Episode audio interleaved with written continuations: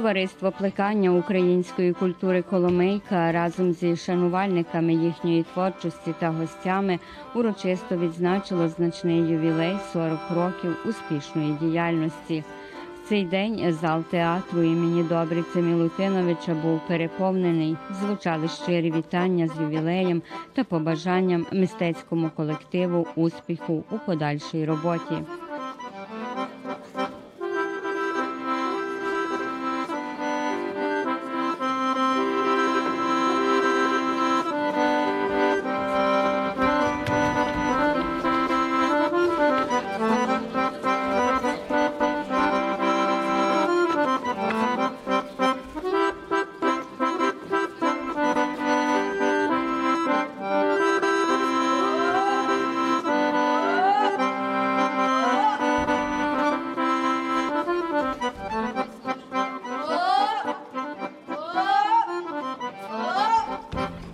Poštovani učesnici u programu, želim sve skupa da vas pozdravim na ovom našem nemalom jubileju. E, 40 godina je i u, životu jednog čoveka već lepa, e, le, lepe godine. Evo mi smo se trudili i, starali da održimo e, tradiciju, kulturu e, jednoga naroda e, na, na ovim prostorima. E, Hteo bih posebno da pozdravim e, danas naše goste koji će ovaj nastupati na ovoj sceni. Mi dugi niz godina e, na našim koncertima pozivamo stalno e, neke druge goste. Ovaj put je red došao na e, Kulturno prosvetno društvo Ukrajinaca Karpati iz Lipovljana. E, Mušku pevačku grupu e, Verhovena iz Gradiške, Bosne i Hercegovine i naše male drugare tu iz Srenske Mitrovice, dečiji e, horić e, Vivak i njihovu, i njihovu nastavnicu Tamaru. Ювілярів привітав Зоран Міщевич, заступник начальника міського управління з питань освіти, культури та спорту міста Сремська Митровиця та Олександр Олександрович, посол України у Сербії. Večer svima. Kažu da srce čovečije bira sebi put, ali da gospod upravlja njegove korake i da put čovečiji nije u njegove vlasti. Evo, mi smo zajedno ovde na tom putu 40 godina, kako reče Nikola, to je jedan skoro ljudski vek i mogu da kažem slobodno da se malo organizacija ovde u Sremskoj Mitrovici može pohvaliti nečim što se zove tradicija. Upravo manifestacija večeras govori o tri stvari. Prvo o nečemu što se zove tradicija i što treba negovati i to ovo društvo Kolomejka odlično radi. Druga stvar koja je jako značajna je ova manifestacija govori jednom udruženju Kolomejka koje traje, koje radi, koje svake godine ima da prikaže nešto novo i da nas obraduje i koja iskazuje zahvalnost što upravo meni moje suprugi Zorici pruža tu mogućnost da me pozove, da dođem, da vidim, da mi bude lepo ovde, prijatno sa vama. I treća stvar koja je jako bitna je ova publika koja stalno dolazi upravo kao ja i uživa ovde i smeje se i raduje se ovoj našoj deci koja polako izrastaju u prave ljude. Želeo bih da vam se zahvalim svima koji ste večeras ovde, da vas pozdravim u ime grada Sremske Mitrovice i u ime gospodina Vladimira Sanadera, da se zahvalim našem ambasadoru i njegove supruzi i predstavnicima ambasade, ocu Vargi, svim udruženjima, gostima i našim domaćim. Hvala vam što ste ovde i uživajte večeras prijatno.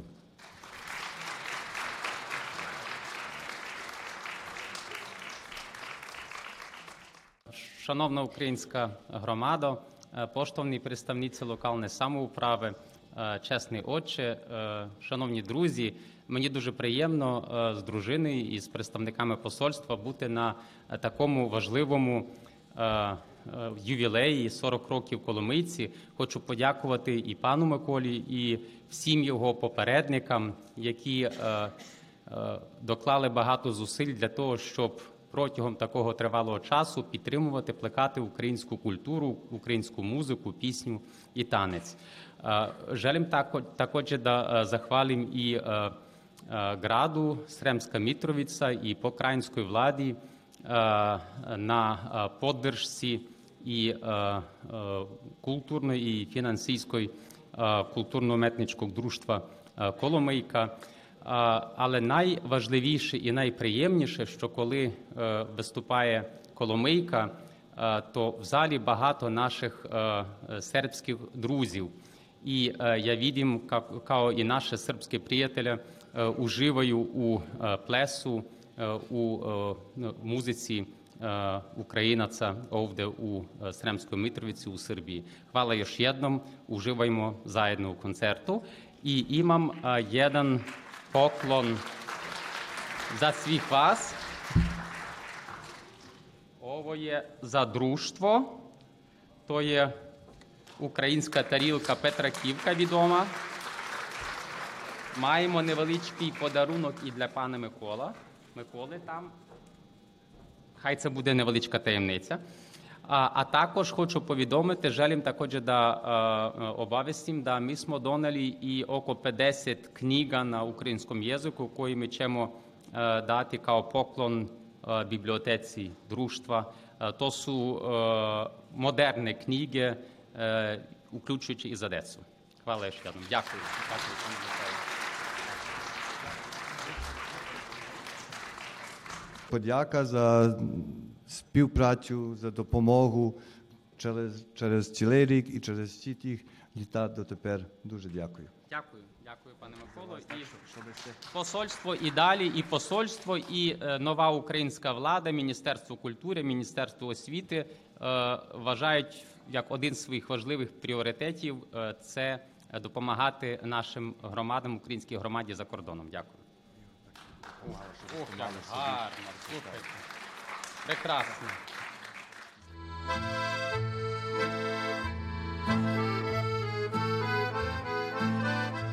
Святкування ювілею це своєрідний звіт про роботу за минулий період. Тож до цієї події всі члени товариства старанно готувалися, і виступи учасників коломийки, вкотре приємно вразили всіх присутніх своїм натхненням, майстерністю і чудовим настроєм.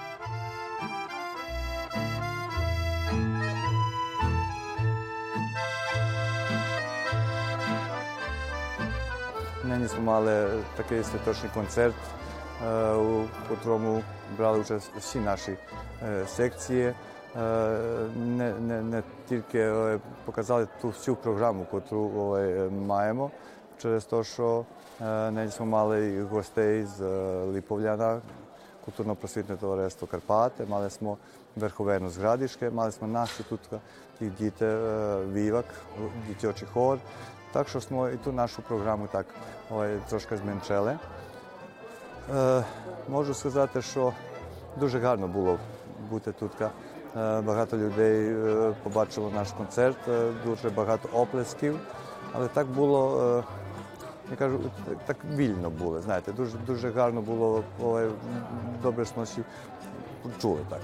Було гарно, було колись, і як тяжко, прийде якийсь так частина життя буде, тоді забуваєш то, що, що, що не було добре.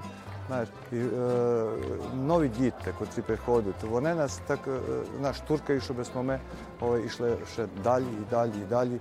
І такі, такі юбілеї, такі, як бачимо, що і тим, котрі співають, танцюють, що їм стало, е, що, що стало тим людям, котрі кожного разу буде повне тут гарне приміщення. Знаєш, то нас так е, штуркає, щоб ми йшли далі і працювали. І колись собі подумаю, кажу, а доки більше, але Що значить Коломийка за українців Сремській Мітровиці, за Сремську Мітровицю місто? є, як сказати, знаєте, то, то не е, начин життя. Знаєте, по-простому люди е, з коломейками вже стали, е, не знаю, пізнайомили другі люди. По- По-простому мені, крім, крім е, моєї фамілії, то коломейка. А багато здоров'я. Як будемо, будемо здорові, то буде і коломейка, буде і юбілей. Ще многе, многе. Многое, многое благо літ, так.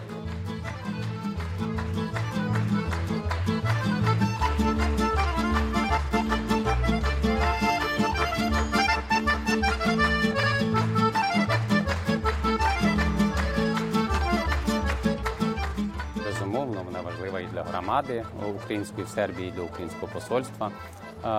Я е, дуже радий бути сьогодні на цьому святковому урочистому концерті. Я знаю, що за 40 років е, вже декілька сотень е, е, людей пройшло через е, е, цей колектив. Е, е, І е, сьогодні ми е, почули виступи не лише із е, Стремської Митровиці, але також і наших е, друзів із е, Хорватії, з Боснії.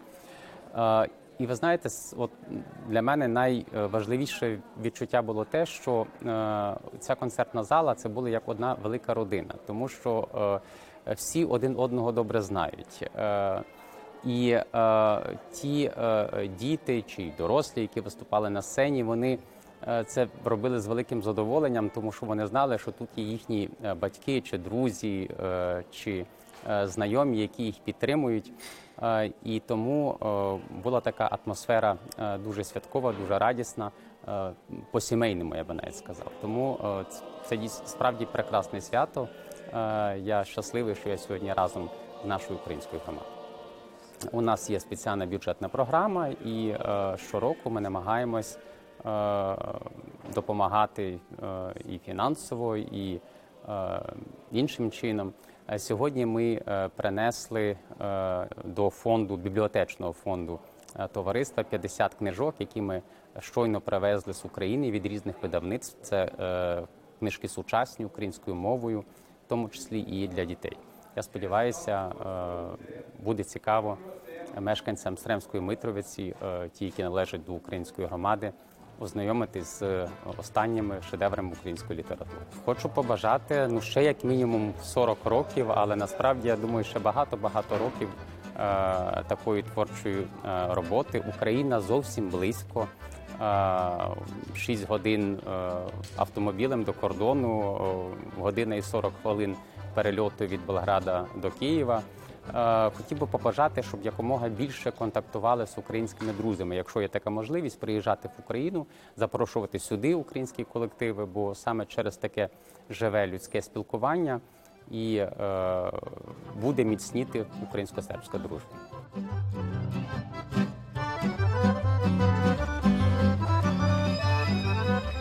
І здається, що спиняється мить, коли лунають музичні номери у виконанні джерельної групи співаків. Більшість учасників цієї групи з коломийкою з самих початків діяльності товариства.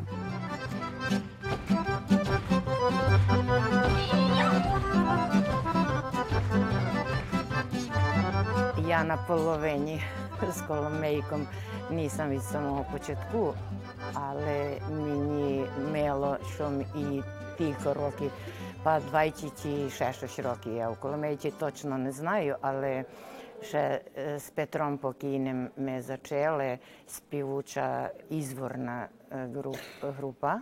Е, Співаємо наші українські старі пісні і плекаємо, щоб всі ті пісні не забули.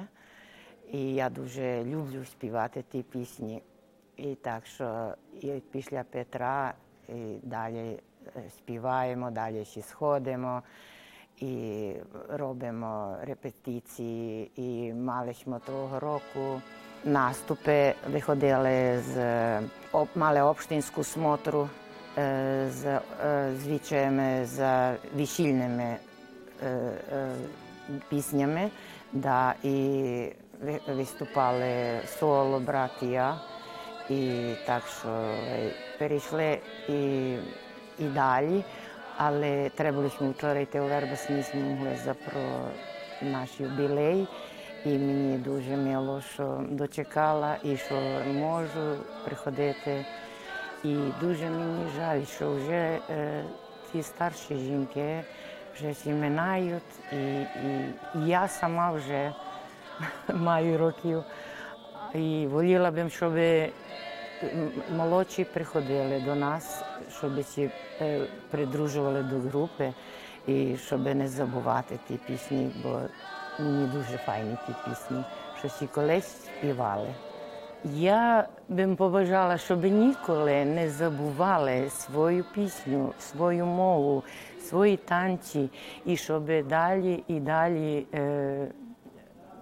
е, тримали до, до як ми не будемо е, тримали до, до своєї мови, до своїх пісень, до, то, то нам ніхто сигурно певне не, не, не дасть.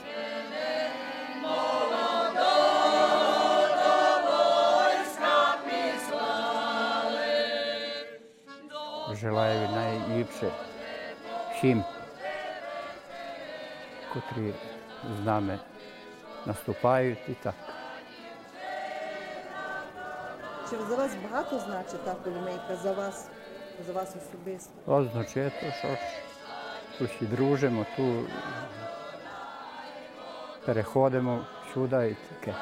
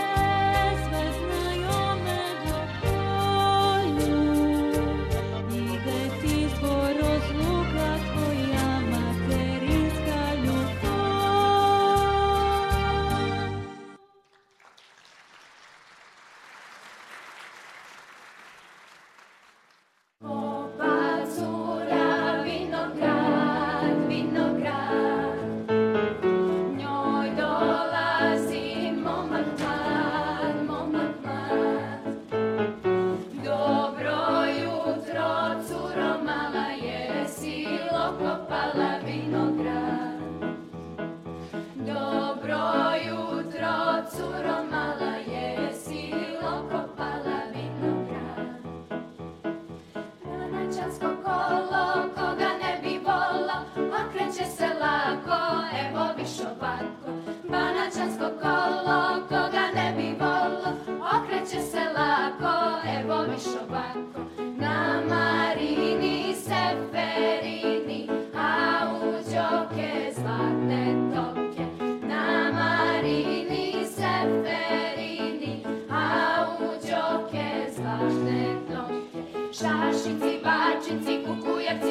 something